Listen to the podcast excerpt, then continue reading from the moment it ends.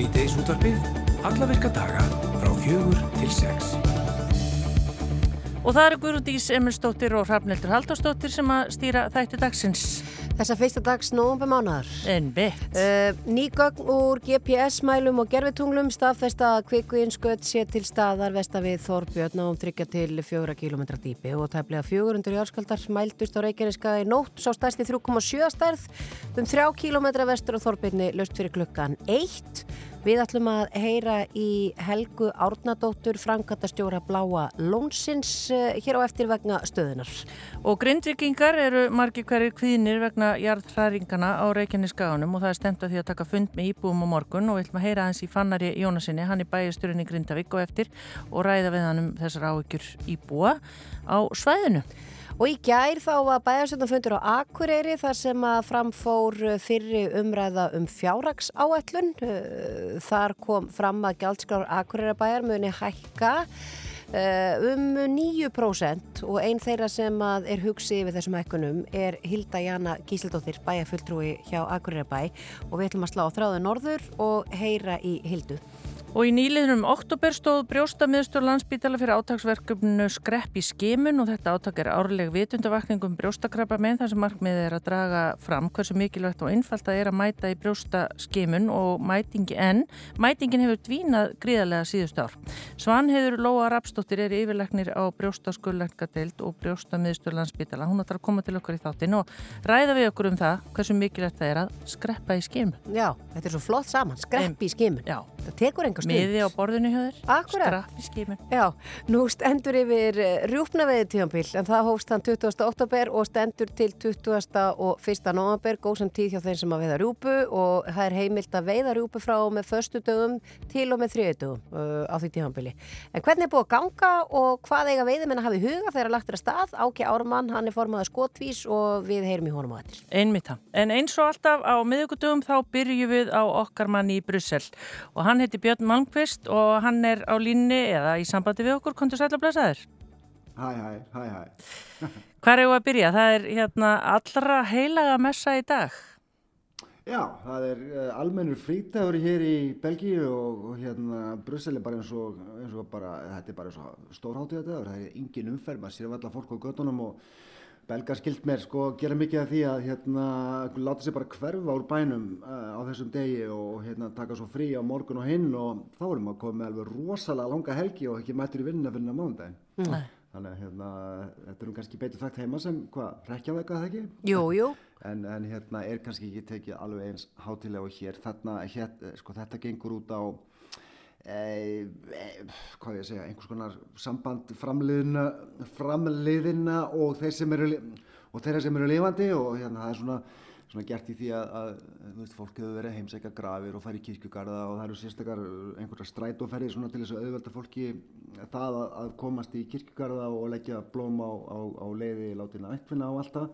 Ekki þar fyrir að sífælt færi belgar stunda eða sérst færi kirkju og, og eru trúræknir en, en, en það svona gamlar hefur þær degja ekki auðvölda Þannig að það er ekki svona skrýmsli og eitthvað slíkt á gödunum Ég sko ég hef ekki séð mikið að því, ég verð nú að viðkynna það. Ég skal ekki, ég ætla ekki að fara að þykjast þekkja hér sko vennjur og síði mjög vel en, en ég hef ekki tekið mikið eftir þessum svona, hvað við segja, þessum svona amerísku Halloween hérna, áhrifum sem að maður náttúrulega þekkir að heimann en nei, ég hef lítið síðan af graskerjum og hérna, ég veit ekki, ég hef bara, ég hef ekki mikið af svona krökkum að, að sníkja nammi og svo leiðis, ég bara, nei, ég hef ekki séð það. En ættu við ekki að taka þetta eitthvað lengra? Því ég veit til dæmis á Spáni núna, fyrstin óber, það er Dia de Todos los Santos og þá einmitt fara allir í kirkjugarða og, og minnast látina ættingja og vinna.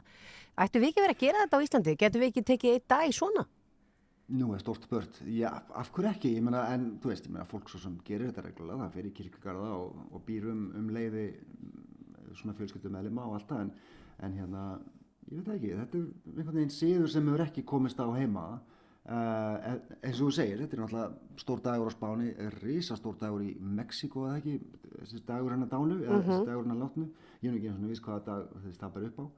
En þetta er svona sigurinn í, í Belgiu, uh, þessi allra heilara messa og hann er bara tekinn það hátilega. Hér er bara allt lokað. Ég, meina, ég komst ekki í vinnunni morgunir í Europabyggingarnar því að þær eru bara hallæstar og, og hérna allir heima Já. eða út í, út í sveit. Já, En þetta gerist og þetta er náttúrulega á, á sama tíma og, og það er bara vond viðspá í kortunum. Herðu, það bara ber svo við hér í Belgíu og reyndar víðar í Hollandi, Fraklandi, Írlandi, hérna, Breitlandi að það er stormur sem er kallaður Sjaran. Uh, hann er bara núna að ganga yfir vesturpartin á, á Breitlandsegjum og Írlandi og hérna bara sko vittlust veður hérna sumstaðar uh, hérna í Brussel er gert ráð fyrir einhverjum 25-26 metrum á morgun. Þá svona verður þá er svona miðjan einhvern veginn yfir svona Englandi, norður af London og uh, svona, já, 25-26 metri á sekundi en kannski bara svona eins og gott rók heima. En það breyti því ekki að það er búið að loka, þess að það verður hérna eftir klukkutíma, klukkan 6 að staðatíma, þá verður öllum almenningsgörðum og svona almenningsskólendi lokað bæði í Brussel og, og, og Antwerpen og, og annar staðar, það búið að gefa viðvaranir í Flæmingjalandi uh, og manni kannski finnst það svolítið skrítið að loka einhverjum uh, almenningsgörðum og skóum en jú, ég meina trén kannski fara ekkert vola vel út úr þessu það er greinar brotna og tré falla og það getur verið hægtulegt fólk hefur verið vara við að keira nálagt skólandi og, og, og svona á meðan vestaveðrið gengur yfir. Það er líka, þetta er líka áhrif á lestarsamgöngur. Ég menna það er til dæmis búið að ákveða það að það verið að felda niður lestarsamgöngur milli brús eða brugge sem að hérna, þið þekki nú eftir að ég bauð okkur þannig í heimsók Einmitt, já. fyrir þessu ári. Hérna, semst, frá bruggi og út að ströndinni, það er að segja strönd Belgíu uh, þar verður náttúrulega ennþá verra veður og í Fraklandi sumstaðar er búist við því að vindræðin sko nái bara vel upp í 40 metra á sekundu sem er náttúrulega bara alvöru sko forviðri og í, í samhengi við þetta þá er náttúrulega búist við einhverjum flóðum á ströndinni. Þetta er svona, mér sýnist eh, áhrifasvæði vera einhvern veginn svona frá Normandi og eigum að segja upp til Amsterdam. En eh, það er svona búist við því að vestaveðrið verði gengið yfir svona, eh, svona, svona eftirmiddaginn á fymtudag, á morgun svona þegar það fer að draga að kvöldi á fymtudag fram á föstudag þá er lægðar miðjan svona gengin út á norðursjóin og, og, og þetta ætti svona að vera búið. En, en það er ekkert algengt maður, að maður sjá í hérna sko appisínu gular og, og gular við viðveranar og, og hérna skólendi lokað vegna veðurs og, og svona það er, en mér er reyndar sagt það sko að, að, að hérna að belgar þeir, það var einhver stormur sem að gekk hérna yfir fyrir svona tíu árum síðan eitthvað svo leiðis, ég veit nú ekkert nánar um það en mér er bara sagt það að þá, þá gekk svona áleika stormur yfir og menn voru nú ekki, svo sem ekkert að kippa sér upp við þetta en þá bara lendi fólk í slissum og, og bílar lendi í vandræðum og svona út af, út af, út af trjám og greinum sem að voru bara hrinnið niður og, og þannig að það er svona svolítið öðruvísi að upplifa þetta í, í landi sem að, sem að veist, það sem að vindurinn hefur svona mikið áhrif á, á, á, á tré og skó og allt það heldur en heima þar sem að þetta er bara svona rók sem að blæsi yfir og maður bindur niður hoppukastalana og, og hérna og trampolínin og hérna Og og býður af sér veðrið sko Já. og grillið ekki glema grillinu Ekki gleyma sko, grillinu, alveg maður gerir það líka. Nei, mókar frá, frá niðurföllum og, og eitthvað og hérna, svo það bara búið en þetta er svona aðeins öðruvísi öðruvísi eh, svona ráðstafanir og upplifun hér já, við vonum nú að þetta fara allt saman vel, eh, Björn. Er, er eitthvað kannski með þetta hafi áhrif á samgöngur, almenningssamgöngur og annað slíkt? Já, eins og ég sagði, sko, lestarsamgöngur eh, til dæmis frá bruggi og út af strönd, eh, þær verða felta niður á meðan að vestaveri gengur yfir. Ég gerir ráð fyrir því að álíkar ástafanir verði gerðar í Fraklandi og, og Hollandi, svona allavega sumstaðar nálast ströndinni þar sem sem að vestaveri verður, sko, verður. Og það er líka búið að ákveða að það verður dreigið úr hraða annara lesta sem að ganga um í Belgíu uh, til dæmis hraðlestir með ekki fara hraðar en 160 til dæmis og, og aðra lestir ekki, með, ekki hraðar en 80 þetta er náttúrulega, þú veist, vindurinn hefur áhrif á lestravagnar rétt eins og vörubíla heima og, og, þannig að menn svona er að passa sig að, að hérna og svo hafa bara fólk verið vara við því að, að, að vera mikið á á ferðinni eh, svona á þessum slóðum á meðan að þetta veður gengur yfir.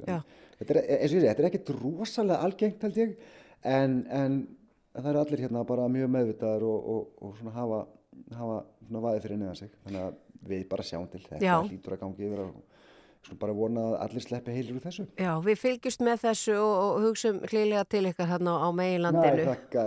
Og, og hvetju þið til að fara bara í öllasokk og hafa hugulegt, í, hugulegt á morgun. Ég kveiki bara kerti og, og hérna, hugsa til ykkar og, og allt það. Já, takk fyrir þetta. takk fyrir Björn Malmqvist í Brussel. Takk fyrir mig. Bless, bless. Bless.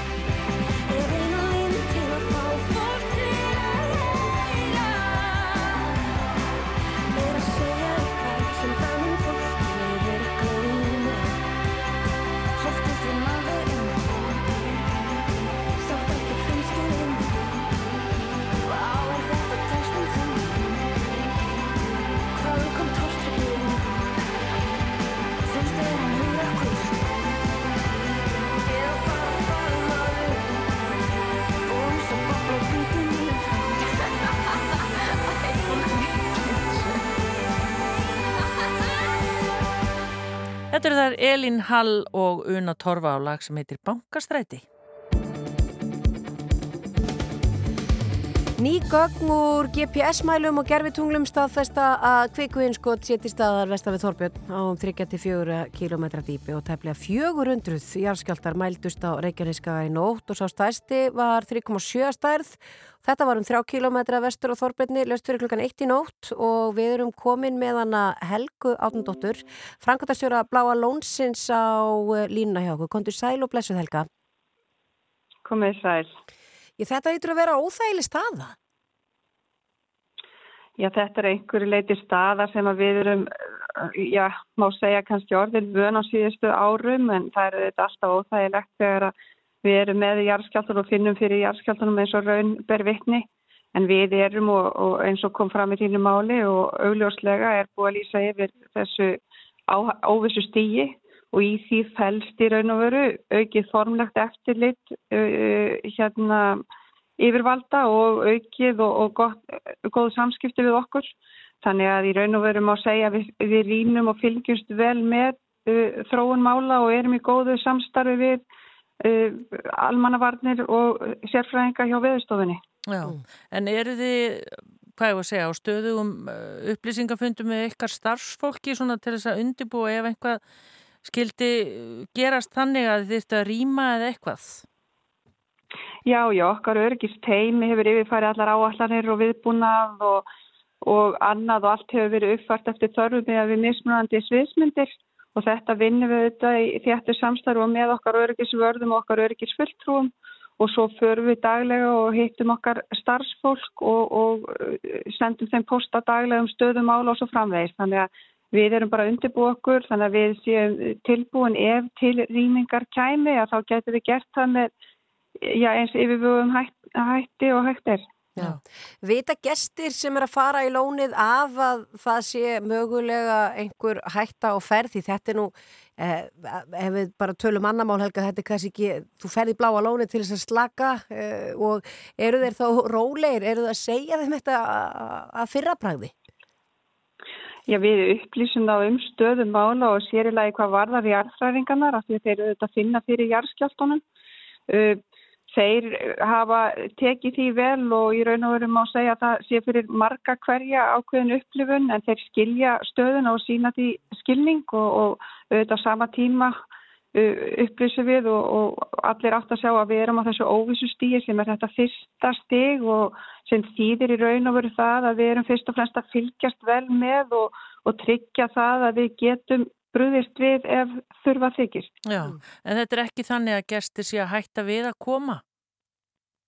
Nei, við hefum ekki orðið vörfið það nema síður sé. Já, en þið eru alveg að hleypa jafnmörgum í lónið uh, og þið hafið verið að gera á meðan þetta óvissustegur eða hvað? Já, já, en það gerir við ráð fyrir því í okkar uh, sem sagt viðbaras áallinum að geta rínt svæðið uh, rætt og öruglega en það er það svæða skipt og í raun og veru nokkur svo söfnuna svæði þannig að við ættum að geta rínt svæðið uh, til til að rætt ef til kæmi. Já, því þetta er eftir eins og þú segir, þetta er risastórt svæði sem að bláa lónið er undir með öllum, öllum hótelum og öllu. Já, akkurat. Svæðið er stórt en þess vegna líka skiptu við þessu í, í svona minni svæði til þess að það sé auðveldar að aðtapna svona eða að framkvæma svona rýmingu Mm -hmm. ef til kæmi. Saði það Helga hérna áðan að þið verður orðin svona, já öllu vön, þetta væri búið að vera svona svolítið yfirvóðandi síðustu ár, nú þú framkvæmtastjóri Bláa Lónsins, hversu mikinn tíma af, já bara starfið þínu eh, hefur þurft að helga í, í, í þetta?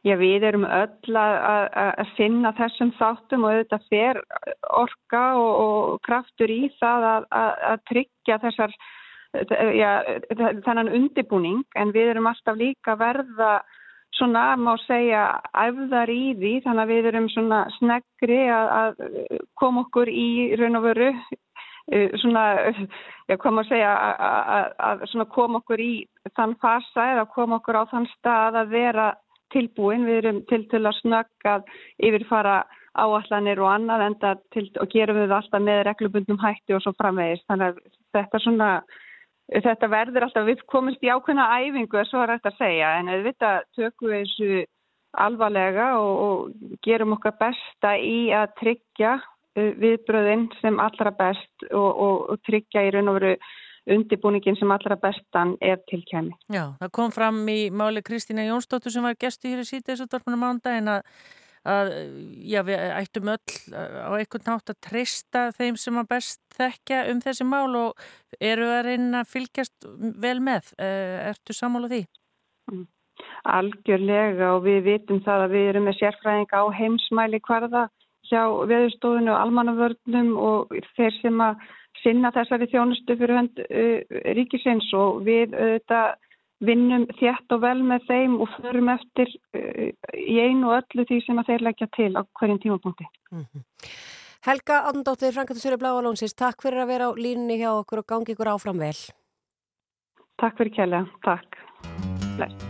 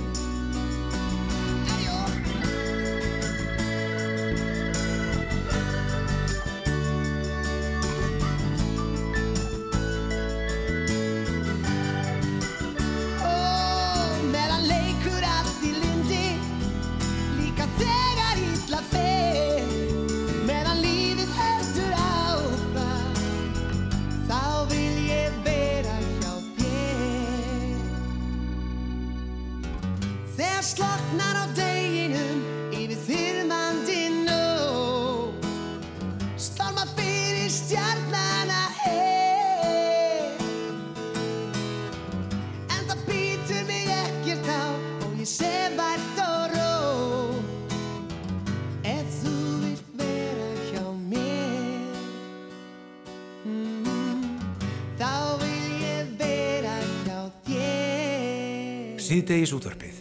Málefni líðandi stundar. Frá fjögur til sex á Rás 2. There has to be a limit to love, to love. Oh, there's got to be a limit, but I just haven't found it. Yep. I set my expectations high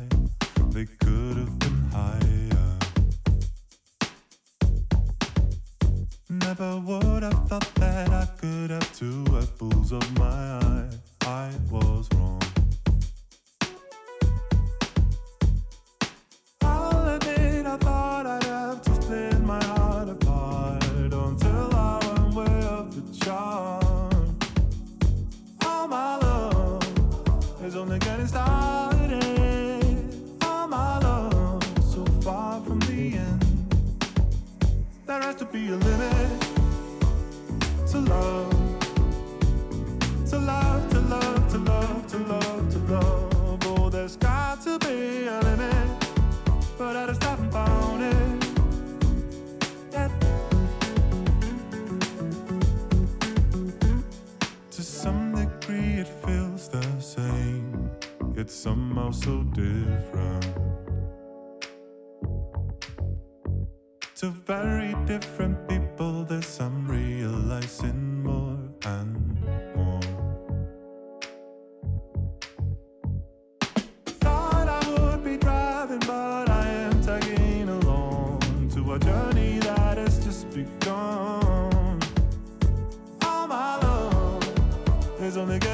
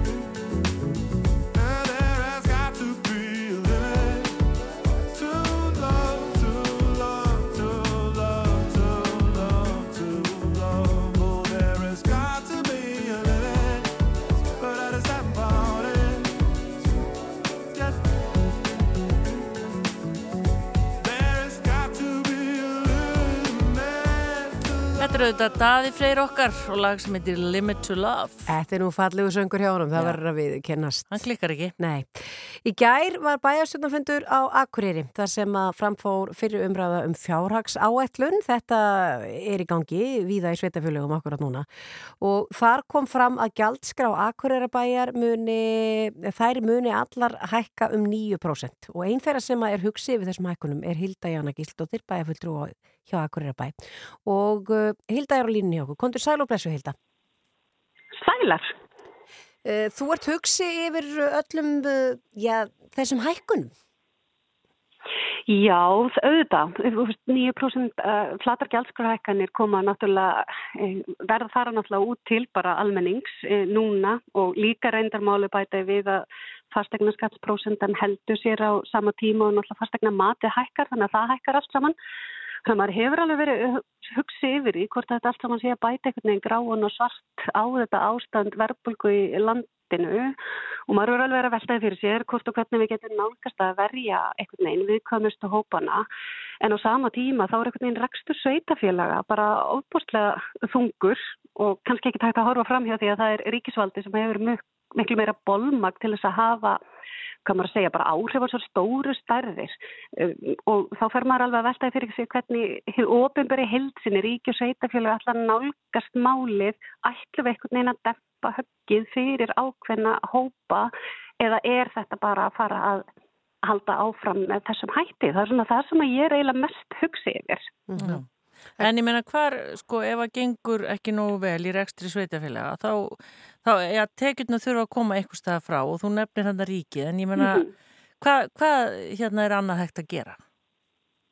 Já, það er nefnilega það sem er, sko, sveitafélagin eru nefnilega bara í dálitilli klemmu og hérna, og uh, til dæmis þá Þa, það sem maður er auðvitað að hugsa um er að sko, mann er líður pínlítið að mér átlafana en svo að eh, sko ríkið hafi svolítið baktir á megin verið að fara í ákveðin niðurskur þar að segja með að flytja málflokka eða setja lög á setjafélagin án þess að viðegandi fjármagn fylgi. Þannig að sveitafélaginu núna eru bara í ákveðinu klemmu Þú veist, ef við alltaf að halda áfram og halda uppi þjónustu stígi og tala nú ekki um sveitafélagin okkar hérna á landsbyðunum eða við ætlum að tryggja samkeppnishefn okkar svo framvegis, þá er erfitt fyrir okkar að hækka ekki gjaldskar ár eða lækka fastegna prosentu því við höfum ekkit, við höfum ekkit rosalega mörg tækifæri til þess að ná í tekjur á meðan að ríkið gæti miklu frekar virkað sem þessi jafnari eða dempa höggi þá á þá hópa í svona ástandi sem að þurfa mest að því halda því okkar tækifæru er ekkert rosalega mörg. Þess vegna kannski uh, er ég eiginlega meira hugsi heldur en kannski endilega hafa sörin fyrir hönd sveitafélagsins þó svo auðvitað mætti alveg veltaði fyrir einhverja verskráð hjá sveitafélagunum sem snúa viðkomustu hópaunum eitthvað sem við gætum eitthvað neins skoðað en það er bara svo lítið. Þannig ég er svo hugsið yfir hvernig alltaf bara sveitafélagin í landinu og hefur ofinbæra þá ríkið við sameilega að koma að þessu stærsta máli okkar núna sem er einhvern veginn að náðiður velbólgunni og svo sittum maður einhvern veginn bara yfir þessu afmarkaðu einingu rekstur þessa sveitafélags per se.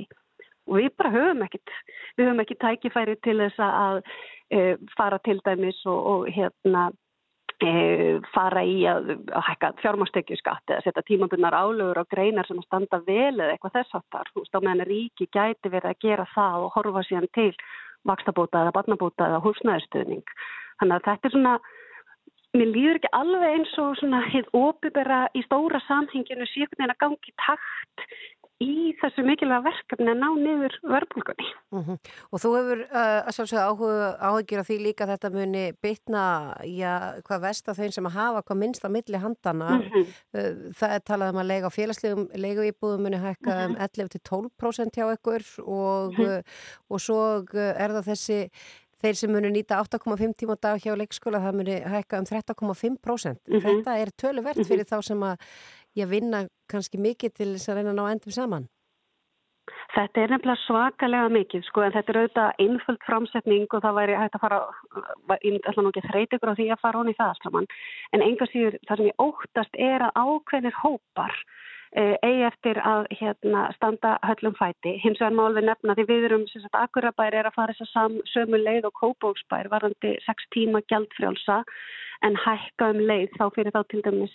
Það eru sko 85,2% fóreldri eru með börn og leikskólum 8 til 8,5 tíma dag á Akureyri og svo gældskrá er að hækka meðan þessi 6 tímar verða gjaldfrjálsir en þess bara geta það, svona, það er aðeins munur á þessari útgáfu hjá Kópói og Akureyri að hér er tekutenging mm. sem að gæti skipt máli. En það sem ég er hugsið þarna líka er að þú veist í raunin er í spartnaðskinni verið að knýja fram alveg svakalega grundalla breytingu á leikskóla kerfinu sem hefur verið alveg óbúslega mikið jöfnunatæki í samfélaginu. Og þetta kannski kann að hljóma rosa vel fyrir ákveðna hópa tímaböndið og, en, og kemur sannlega til með að gagnast hluta hóps alveg svakalega vel en maður hefur svolítið áhyggjur af þeim sem að eiga veikara bakland, einstæði fóreldrar, kynjasjónamiðin og jafnbrytistofu hefur komið fram með alls konar ábyrðingar sem að þeir hefur viljað að þessi sveitafélag hefur skoðað áður en að þau taka þessa ákvörðun. En það er því miður ekki verið gert. En, en þetta er svona þannig að þau sem að kannski því að það eru náttúrulega oft þannig að, að það er fólk emitt sem að er þarf að vera á staðnum sem að er ekki með svona þessi forréttindi að geta verið heima að vinna og svo framvegis sem að gætu kannski nýtt hér þetta helst. Þannig að mér finnst þetta ég er allavega hefði mjög kjarnan vilja sjá okkur hérna nálgast þetta verkefni jafnvel sem samfélagi heilsinni þá út frá velferð batna í samhengi þá við aðtunulífið og, og, hérna, og, og bara stærra samhengi heldur en bara í rauninni að reyna að, að spara inn á leikskólunum sko. Mm -hmm, mm -hmm. Það er svona að minnst okkur, að því, veist, eins, eins og ég breytist og að sagði, skiljur við hefur farið fram mat á áhrifum að ólíka hópa fóruldra til dæmis frá kynjasjónum eða þjóðverðni eða hvort eru um að ræða einstað fóruldra eða fóruldra í sambúð og veist, þannig, að, þannig að ákveðnir hópar eh, veist, og þó þessi tekjutenging þá hefur til dæmis einstækt fóruldri utan þessara tekjutengingar og getur ekki annað en að því það, þetta er ekki alltaf eitthvað frelsið að val eh, hérna, þá þá ert sittur þú kannski svolítið í súpunni ja. og hvað var það félagslega leiguðbúrnar þá er þetta auðvitað hækkun sem að ég hefði vonast til þess að hefði þýtt þá að minnstakosti það að viðhalda á húsnaðinu og fjölkun og félagslega leiguðbúrn er þið talsverð sem hefur ekki ennþá allavega gerst en ég, ég vona þá allavega það en, En ég, ég held að svona, því meira sem ég hugsa um þetta, þá líður mér eins og ríkjus veitafélög sem heldar fyrirbæri hins ofinbera og í þjónustu almenning bara hefði þurft að vera og ætti, en þá, það er ekki á segn, að taka svolítið höndu saman, hvernig ætlum við að nálgast þetta? Hver, mhm. hver er stefnan? Hvert eru að fara? Og ætlum við að lífa ykkur um hópum eða ætlum við bara að keira þetta jæft í gegn? Ég er bara, bara mjög hugsið, eins og það heyrir. Já, það er, þetta er allt saman öruglega eflust bara rétt hjá þér að það þurfa að finna eitthvað svona heildar sjónamið og allir að vinna saman að þessu enda sveitafélun standa höllum fæti, það er bara staðrend. Eh, mm -hmm. Hilda Jana, takk fyrir að vera á línni hjá okkur og, og við fylgjumst áfram með fjárhásáalluna gerð hjá Akureyri hvernig þetta endar allt saman að lokum. Takk fyrir.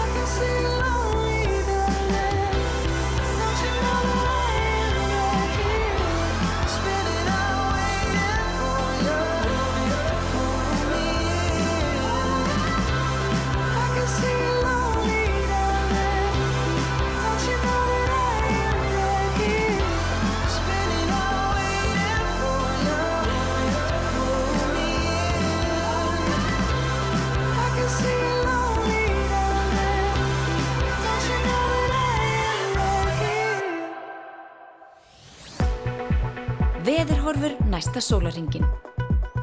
Það þarf að lítið til veðus. Þetta kom með kúluna. Spákúluna. Já. Já.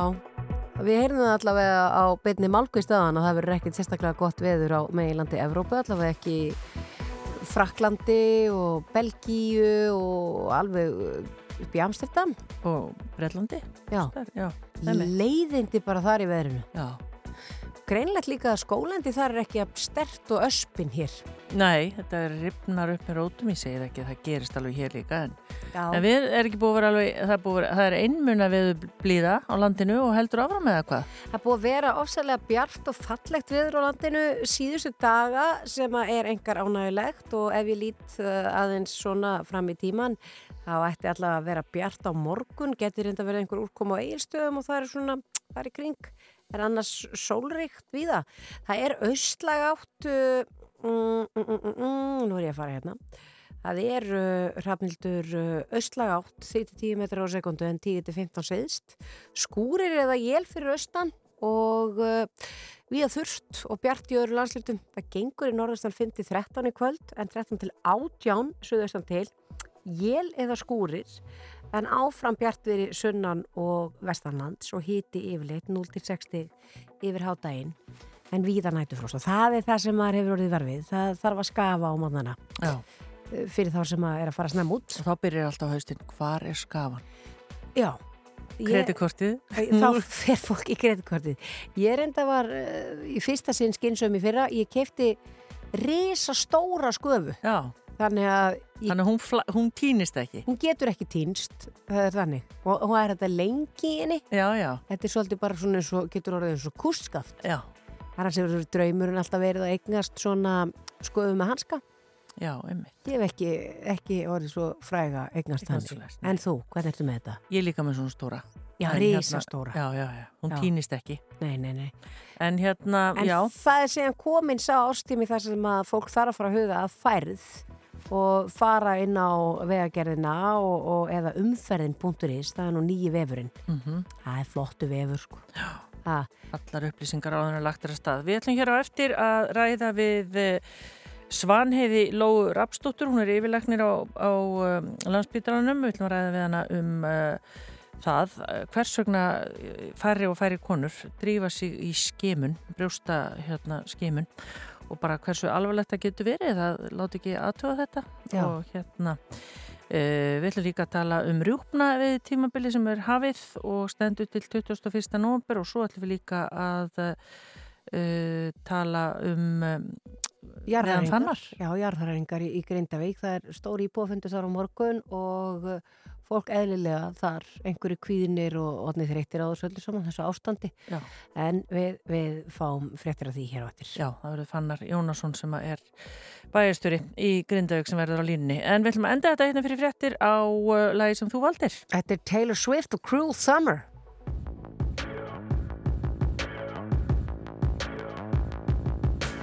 Fever dream high in the quiet of the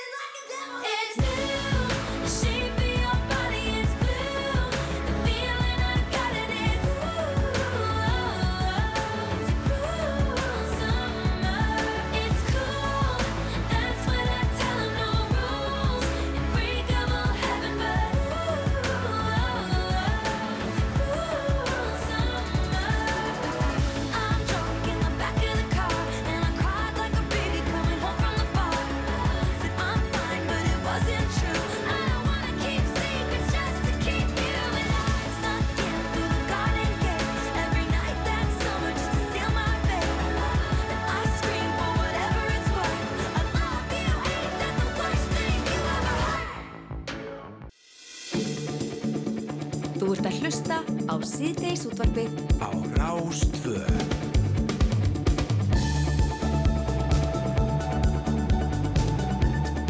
nýlinum oktober þá stóð brjóstamiðstur landsbytæla fyrir átagsverkefninu Skreppi í skimun og þetta átak er árleg vitundavakning um brjóstakrappa menn þar sem markmiðið er að draga fram hversu mikilvægt og einfalt að er að mæta í brjóstaskimun. En mætingin hefur samkvæmt okkar upplýsingum dvínað gríðarlega síðust ár.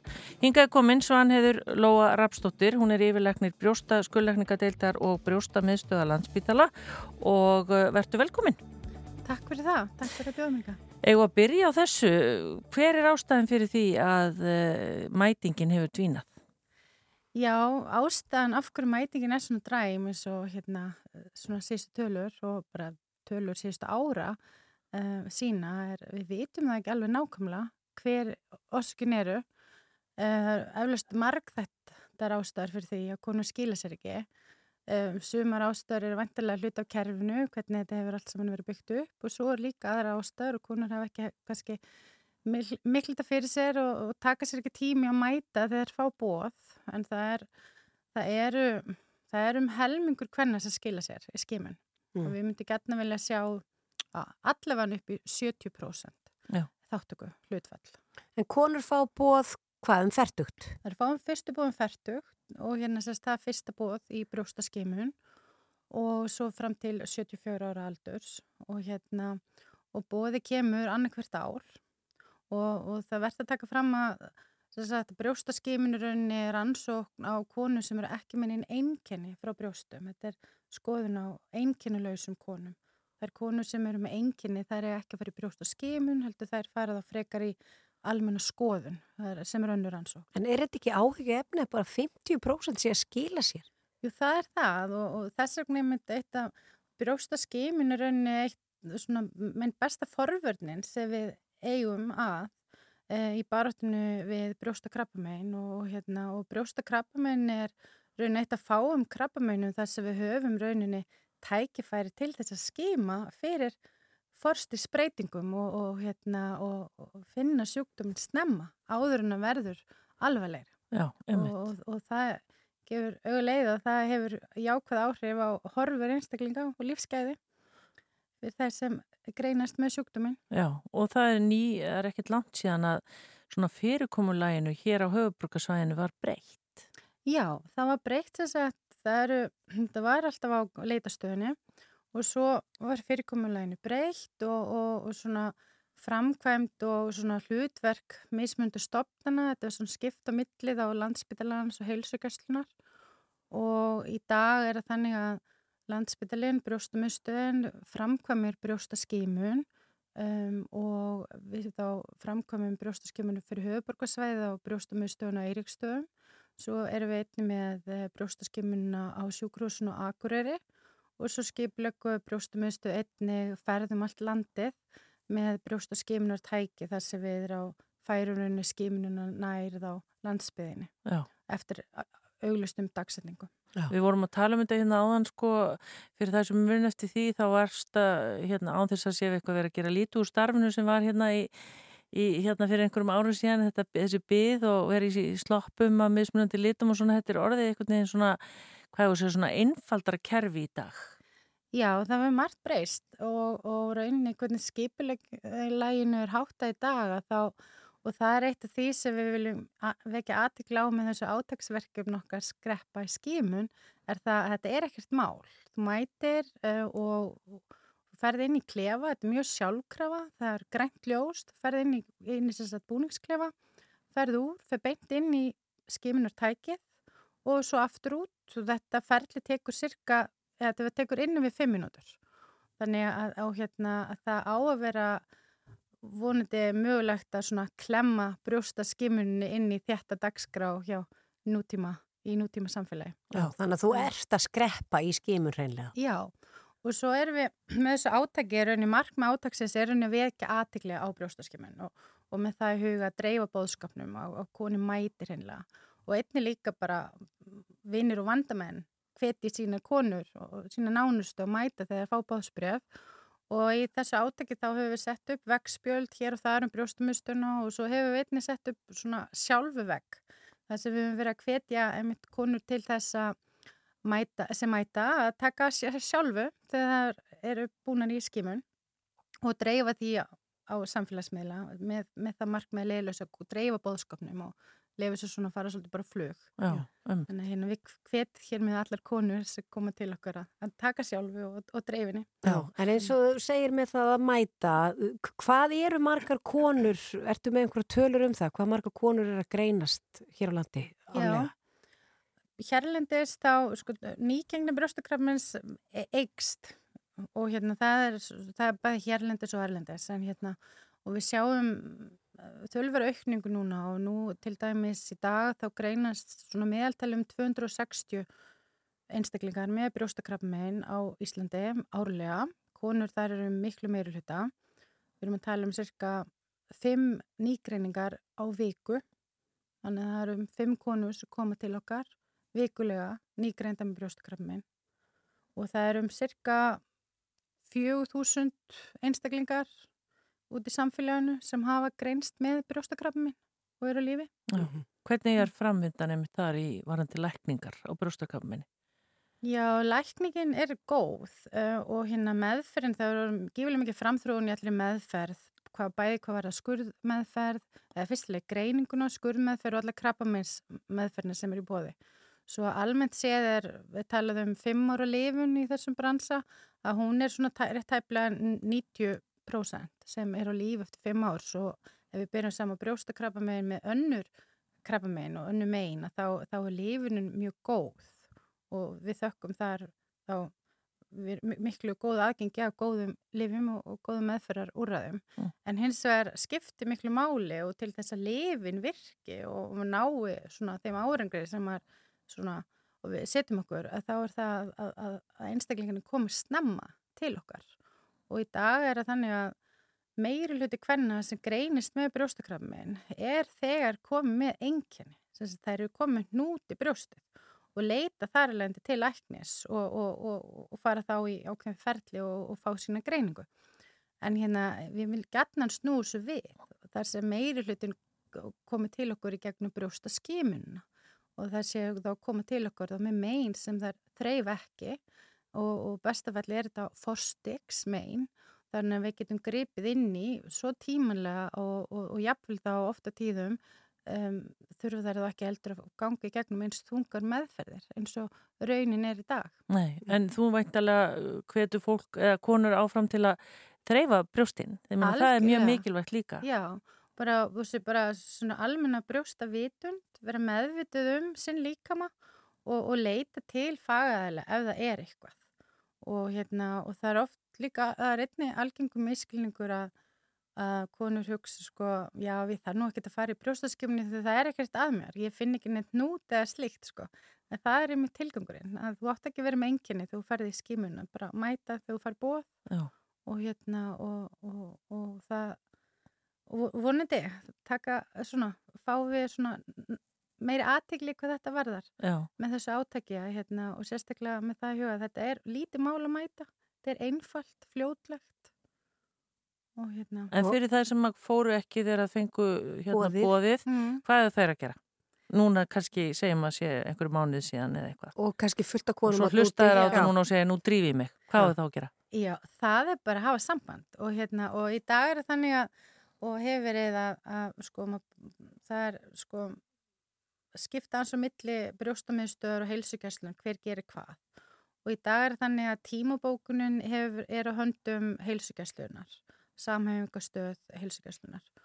Og þegar maður fær bóðsbrifið þá er þar ákveð símanúmer, einni tölvupostfang og hérna upplýsingur um það hvernig, hvernig konur bóka sig í skimin. Og þannig að það er bara um að gera að senda bara tölvupost, það er auðvelda astrunni og, og, og, og skeftir að fá tíma og þá vondi þau eru brúistu því og við komum til búin tíma sem vist. Já, mm -hmm. þannig að fyrsta skref þá að hafa sambandi sína heilsugjæslu. Nei, við, við samhæfingastöðuna. Samhæfingastöðuna, afsakað. Og, og það eru einni upplýsingar á heimasíðu brjóstamöðstöða landsbytila um símanúmer og netfang sem er geta hérna haft sambandi við. Já. Til að bóka tíma. Kostnaður við að fara í svona?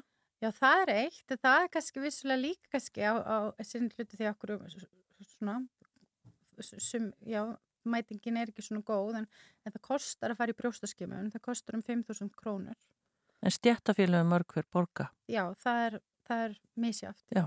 já, en ég veit að allavega já, mörg stjættafélag greiða þetta niður Já, en það eru kannski einhverji sem að veira sig við því en, en, en eh, ef að þetta, já, eitthvað kemur í ljós þá myndir maður ekki sjá eftir 5.000 krónur Nei einmitt það. Skreppum í skeimun uh, Svanheður Lóa Rapsdóttir yfirleiknir brjóst, skur, brjósta skullækningadeildar og brjósta miðstöða landsbítalans. Takk fyrir komuna. Takk fyrir kella. Þú ert að hlusta á síðdeis útvarpið á Rás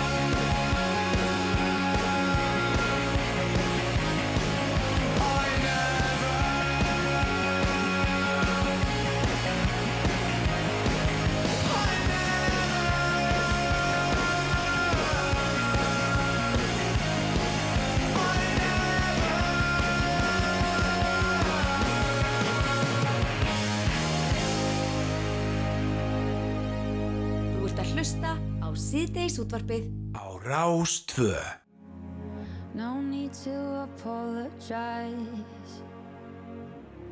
Cause there's nothing to regret Well, this is not what I wanted. Guess all the good things come to an end. So, baby, bye bye. Wish you the best. But most of all, I wish that I could love you less. Well, maybe you're right. I'll find someone else. You say it isn't me, but when did that ever help? Hold me closer,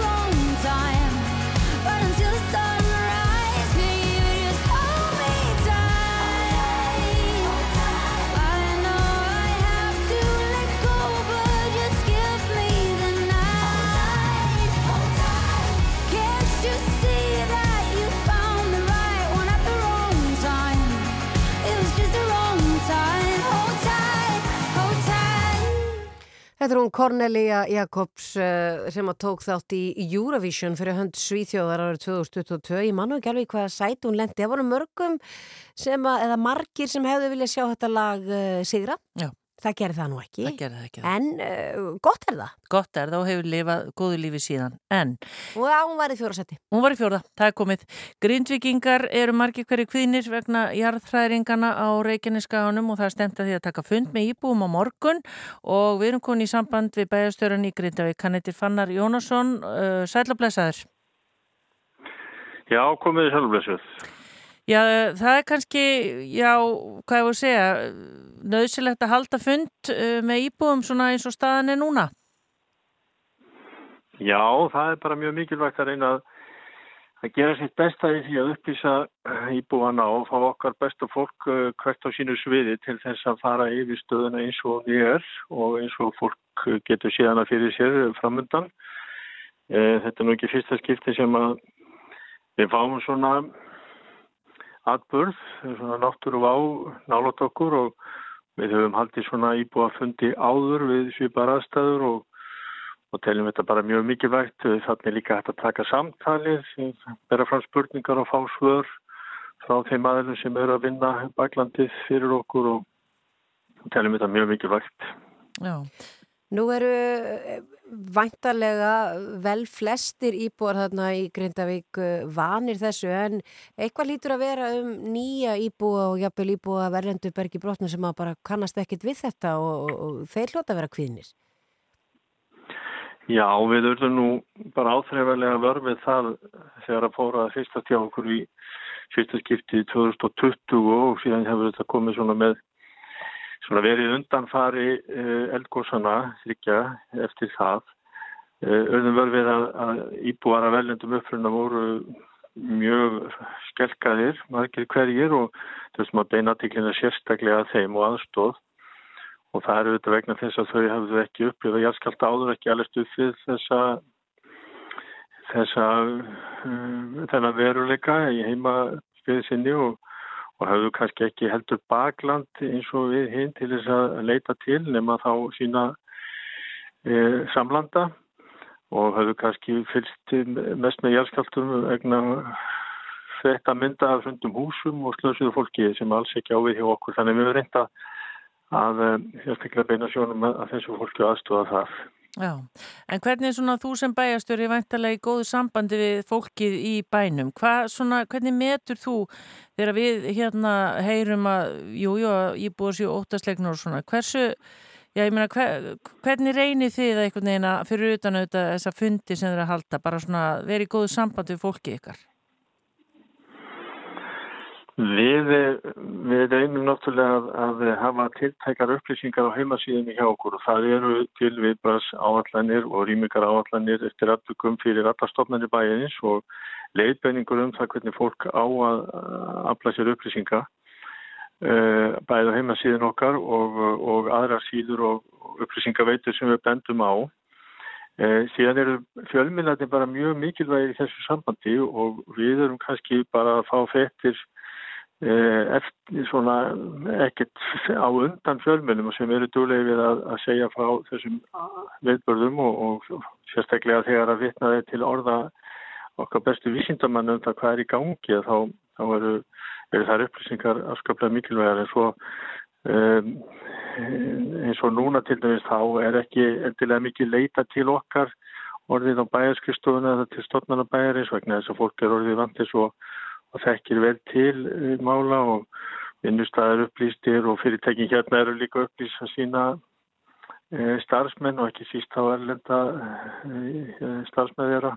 Mm, þannig að, að ja, þetta er þessari tækni í dag þannig að það getur fólk að leita sér gríðilega góða upplýsingar til mig sinna á veðustofunni og, og fleiri í stofnunum sem að sinna almannaverðnum þannig að það er engin hörgull upplýsingum en, en það er hérna kannski þarf að gæta þess að vera ekki að taka svona segjum við, svona upprópanir um það sem að kannski það vestar sem geti gæst, það, það þarf svona að draga línuna þar á milli og núna til dæmis er óvissu stygg sem týðir það að fólk að að vera viðbúð en, en þá ekki að ganga neitt langt í, í einhvers konar uh, viðbröðum, annað en það að vera bara búin að vera tilbúin undir það sem að kann að koma en, en það er ekki hættusteg hérna það að síðu þannig að það er ríkislauruglustjóri í, í samráði við lauruglustjórun og söðnusum sem að velur þessi stig almannavarna og núna erum við ekkit á hættustíg og þess vegna er ástæða lust að vera að fara fram úr sér verðandi einhvers konar eh, aðgerðu. Þetta held ég að flestir í bænum, sko mannlífi hérna hefur ekki tekinn einu breytingum en vissulega eru kvíði hjá sömu fólki og sérstaklega vakna við jæskot, það er óþægilegt og, og eh, nokkur hópur bara eh, fólks hérna sem að líður illa eins og eins og eðlert er en, en mannlífið er bara gengur sér vana gang og flott, flott bæjarfélag og þessi óþægindi vonandi ganga yfir á þess að þetta er einhvern dilk á eftir sér og okkur hefur gengið vel að ráða fram úr þessu undanfærin ár og, og reynum bara að gera það áfram. Já, en gengur eitthvað hérna fannar að stúsast í ykkur öðru á bæjarskristofunum? Þetta, þetta tekur náttúrulega bara í alltaf tíma frá okkur núna og greiðilega margir fundi sko, en við taka það fram að, að sko, allt netið í kringum almánavarnir á Íslandi er alveg frábælega gott og vísindamennir sem við leggjum allt okkar tröst á og, og, og þeirra tækja og tól eru eru náttúrulega alveg á heimsmæli hverða. Við erum bara að þjóða reynslu boltar og afskaplega færið vísindamenn og við erum með að frábæri björgunarsveitir okkar sem að allar eru tilbúna til þess að koma þegar áþarf að halda. Við erum með laurugluna og lauruglu ennbættin eh, sko gríðarlega öflug og sterk til aðstofa þannig að almannavarna teimið alls saman og, og bærin reynslu okkar hérna í Grindavík og aðstóð, utankomandi aðstóð annara e, björgunarsveita og, og viðbræðsæðila eins og gerðist til dæmis þegar sinubrunni voru sem mestir hérna í sömur þá stóð uh, slökkvið í Grindavík ekki eitt af málum. Það komu strax mikla bjargir frá suðunum sem höfuborgarsveðin, Árborg og viðar þannig að fá mikla hjálp en Þetta eru við í svona kjarnanum og verðum að standa okkur í því en, en allar, all önnu hjálp er náttúrulega gríðarlega mikil á hálfu ríkisvaldsins og annar sveitafélaga. Mm -hmm. Aðeins að íbúafundurum á morgun, hvar verður hann og er, er, stendur hann öllum opinn? Já, hann verður í Íþjóttumiðstöðinni hjá okkur uh, og hefst klukkan uh, 17 á morgun, öllum opinn, það er líka streymt frá honum og upptökur verða aðgengilega eftir fyndin fyrir þá sem ekki geta mætt. Við erum hérna með frábæra frumælendur frá lauruglunni og, og vísindarsamfélaginu og síðan verður hérna fullt frá, frá veitustofnunum okkar og, og síðan hugum við að sálfræðilegri þjónustu líka og koma að frumælendur hvað það varðar og við verðum með svona panel þannig að við gerum út af það að það verði hægt að svara þarna spurningum og upplýsa fólk eins vel og hægt er á þessari stundu. Aha. Fannar Jónasson, bæjarstjóri Grindavíku, takk fyrir að vera á línunni hjá okkur og gangi ykkur vel. Takk alveg fyrir.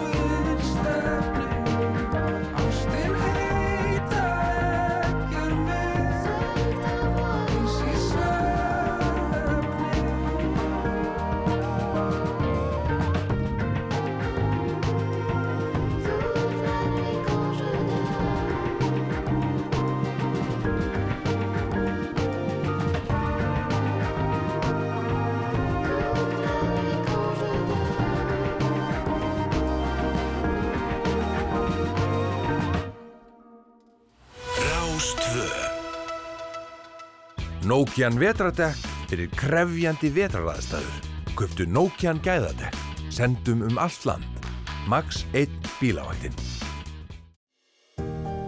Undirbúðu jarðveginn fyrir jólinn á opnunaháttið Garðheima annan til 5. november. Blómstræðu með okkur á nýjum stað við Alvabakka 6. Garðheimar. Flísadagar. Harðiðaval. Vandaðu valið drikka eða gott, að borða.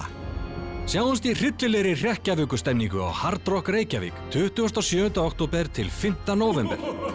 Hard Rock. Ferðadagar eru hafnir. Okkar besta verð og tvöfaldir vildarpunktar til miðnættis 7. november. Verð frá 27.900 báðar leiðir. Æsland er. Miðnættur sprengja. 25% afsláttur af öllum vörum. Marco Polo, Kringlunni. Fylgstu með Rástfö á samfélagsmiðlum. Flett upp Rástfö á Facebook. Rástfö. Fyrst og fremst.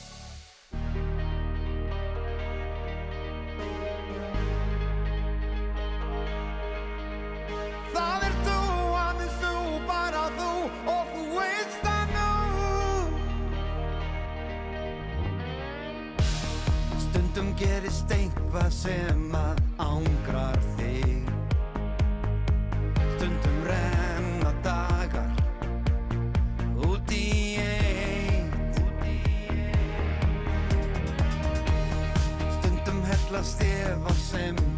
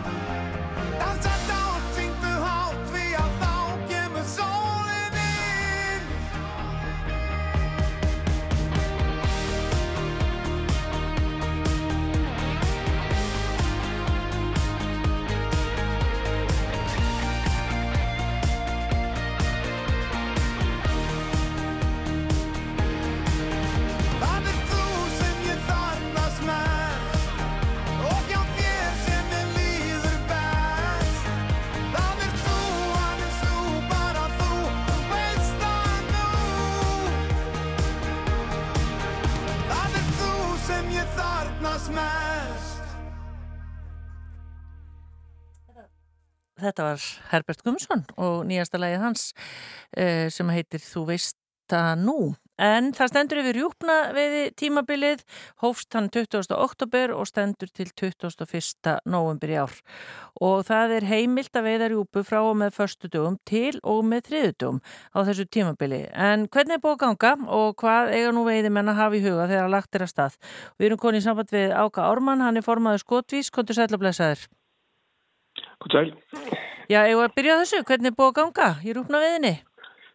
Það er nú bara gengið þokkalega hér sko. Það er svona reytingur hér og þar en rúpan er mjög dreifð og ljón stygg í svona aðstæðan það vantar algjörlega snjóin á stórum hluta landsins. Já, en láta menn, ég menna hvernig láta menn vita? Er þið með þetta eins og í lagsveiðinni að þú skráir í, í húsunni, það er ekkit svo leis? Nei, það er, það er inn á skotveðspjallinu á Facebook og síðan heyrir maður alltaf í veðmönnum hérna og þaðan, Já. hvernig gengur. En síðan erum við alltaf með könnun strax eftir veiðtíman sem við hefum gert núna í þrjú ári röð, þar sem við könnum hvernig veiðin gekk og við höfum fengið mjög góða niðurstöður úr því sem að stemma alveg við veiðtöluna sem komum í april. Já, einhvern veginn hafði ég, held ég að það mætti ekki veiða svona marga daga í röð, þetta væri bara um helgar en það, það, þetta eru mjög langar helgar. Er, er einhver ástæða fyrir því að það eru bara tveir dagar í viku sem má ekki veiða? Það er kannski frekar að spyrja okkur ekki veikt því 69 dagar eins og lögin leifa. Já, jú, eða það. byrjað þar. Byr, byrjum Byrja þar. Það er nú bara vegna þess að á sínum tíma þá fór rúpan í lágmarki sem gerir alltaf og þá fór fólk, fórum menn að gera tilurinu með veiðitíman hvort að hann er eitthvað að segja og nú erum bara að safna gögnum um það í 20 ár og helstu niðurstöru úr því er það er að fjöldi lefilega veiðita hefur lítið sem ekkert að segja um fjölda veitar að rúpna. Þannig að því að menn fara bara og steina helgi og veiði matinn, jólamatinn og kannski dag síðan aftur því að næst ekki fyrst helgina. Þannig að menn eru að fara meðaltali þrjá fjóra daga og þannig að fjöldi leifilega þetta hefur lítið sem ekkert með heldafjölda veitar að gera Já. og það er í gangi núna vinna við stjórnar vendurállur þar sem við hefum bandar þessi sérfræðing sem að leiða ykkur í gegnum það hvernig best er að búa til mótil sem að passar við þessi gögn. Já, þannig að þetta geti breyst og einhvern tíma verið leift að vera veiða á miðugundum og fymtudögum líka því að þetta vendalega hefur áhrif á það að segjum að sé glimrandi spá á miðugundum og fymtudegi en vond spá um helgina en menn fara samt um helgina að þið vil ekki missa af veiðinni, er þetta ekki, getur þetta ekki skapa hættu? Jú, það er það sem við hefum verið að benda á að að hafa færið dagar í 12 daga eitthvað slíkt þá átt að neyða menn á veiðar á, á hérna, vondum, í vondum veðrum. Og en það reynda í þessari stjórnarvendra þá er búið að koma að stað þeirri niðurstuðu að menn ætla að halda þess að fynda reglu bara einfallega vegna þess að gögnin sem við erum að nota eru, eru þannig uppbyggð. Þannig að við viljum ekki hrópla við ómiklu í einu. Þannig að fyndaðan er verið áfram í framhaldinu en þeim gæti hins vegar dögunum fjölgað frá því sem verið hefur og líka fækkað. Já, ömmit. En Þannig að hérna, það verður svona mikið tegja í veðdóðum sko, já, ömmit. eftir ástæðin stopsis. Já, uh, hérna heldur að menn séu þá bara núna á bæn um það að fara að snjóa eða hvernig er þetta? En Ég er allavega einn af þeim sko. ég hérna, finnst eiginlega skemmtilegt að veiða þegar er komin svona snjólína í fjöllin og tólti frost. Já. Þá, þá kemst maður í svona jólaskapir sko og vera veiða rjúpu. Ég var eins og að veiða nálægt með þess að öllum nálægt ásbyrg í 17 stegi hita og 20 metrum á sekundu. Já, á hvernig gekk? stuttunarból og ég hef ekki einn á mig, ég leið bara illa. Ég fannst þess að ég var að stelast. Já. Já, já. Ekkert jólalegt við það? það aldrei eftir. Nei. Nei, það var Nei. bara sól og 17 stegi hitti og það er slett yfir sko. Já. En á ekki farðu nú eins og yfir það með okkur. Hvað má hver veiði maður veiða margar rjúpur? Það er nú bara í jólamötin. Það hafa verið svona tilmælum að veiða úst, bara 5-10 rjúpur, menn eru að, samkvæmt könnunum okkar, þurfa menn 9 rjúpur að meðaltæli á fjölskyldu. Já. Þannig að það er svona í kringum það sem við erum, erum að mæla til að menn sé að veiða og ekki mikið umfram það nema stofnin sé mjög góð ástandi. Og í könnunum okkar hefur komið í ljós að menn eru að geima rjúpur í fristinum í 2-3 ár. Já, já. Það er alveg helmingur veiðmanna sem á rjúpur í fristi frá fyrir áram sem er svona að bæta sér upp þegar stofnin fyrir niður. Já, þannig að það er, þá kemur ekki að sög þótt að einhver fá bara fimm þetta árið, en kannski á einn e, e, e, þrjú, þrjú dýri í kistunni. Já, það sáum við núna í konunum að þegar við byrjuðum ánið þá var áttum en slatta í kistunum en það er minka núna síðan tvö ár sko. Já, ömmett. Herðu, svo er það hérna, ég var að kíkja hérna á Facebook síðan ykkar hjá Skotis, uh, það er þessi listi sem að hérna, menni að fara yfir.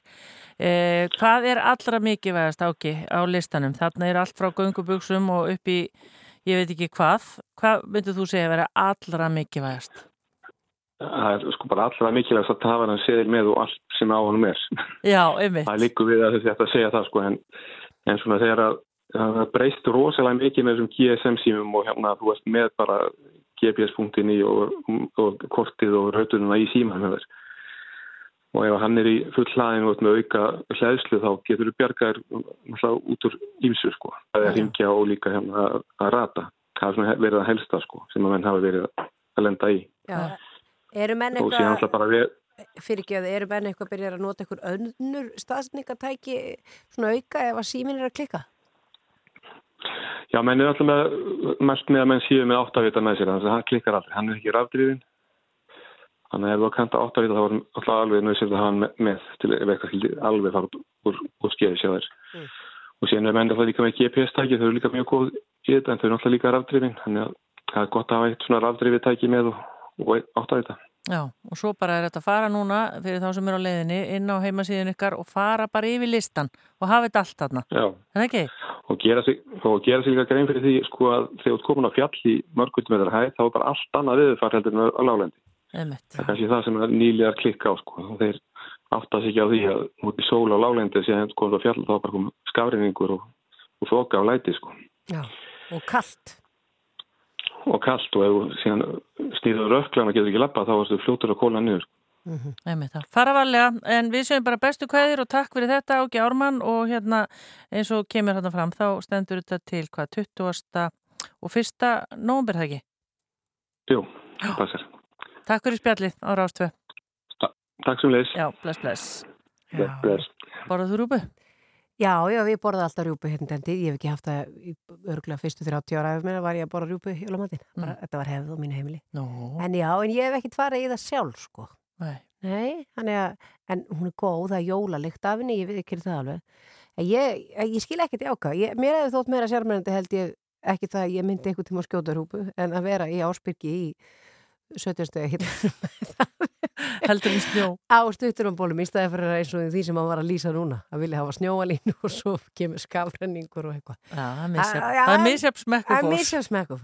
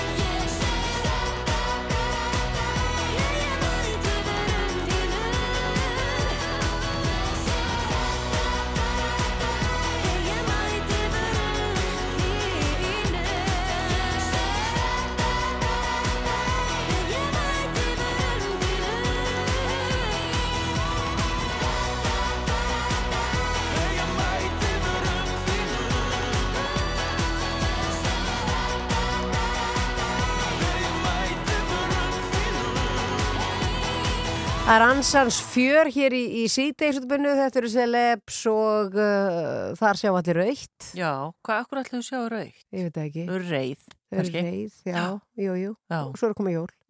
Já, ég fór bara algjört jólast að tala, stuða að tala um rjúpu. Já, Hmm. maður tengir rjúpuna við jólinn, það er aldrei þannig. En uh, síðdegisutbunnu hins vegar verður ekki mikið lengra sinni. Uh, ég og Hrafnundur Haldursóttir bara þökkum ykkur fyrir áhörnina. Verðum hér aftur á, á morgun. Takk fyrir að lusta.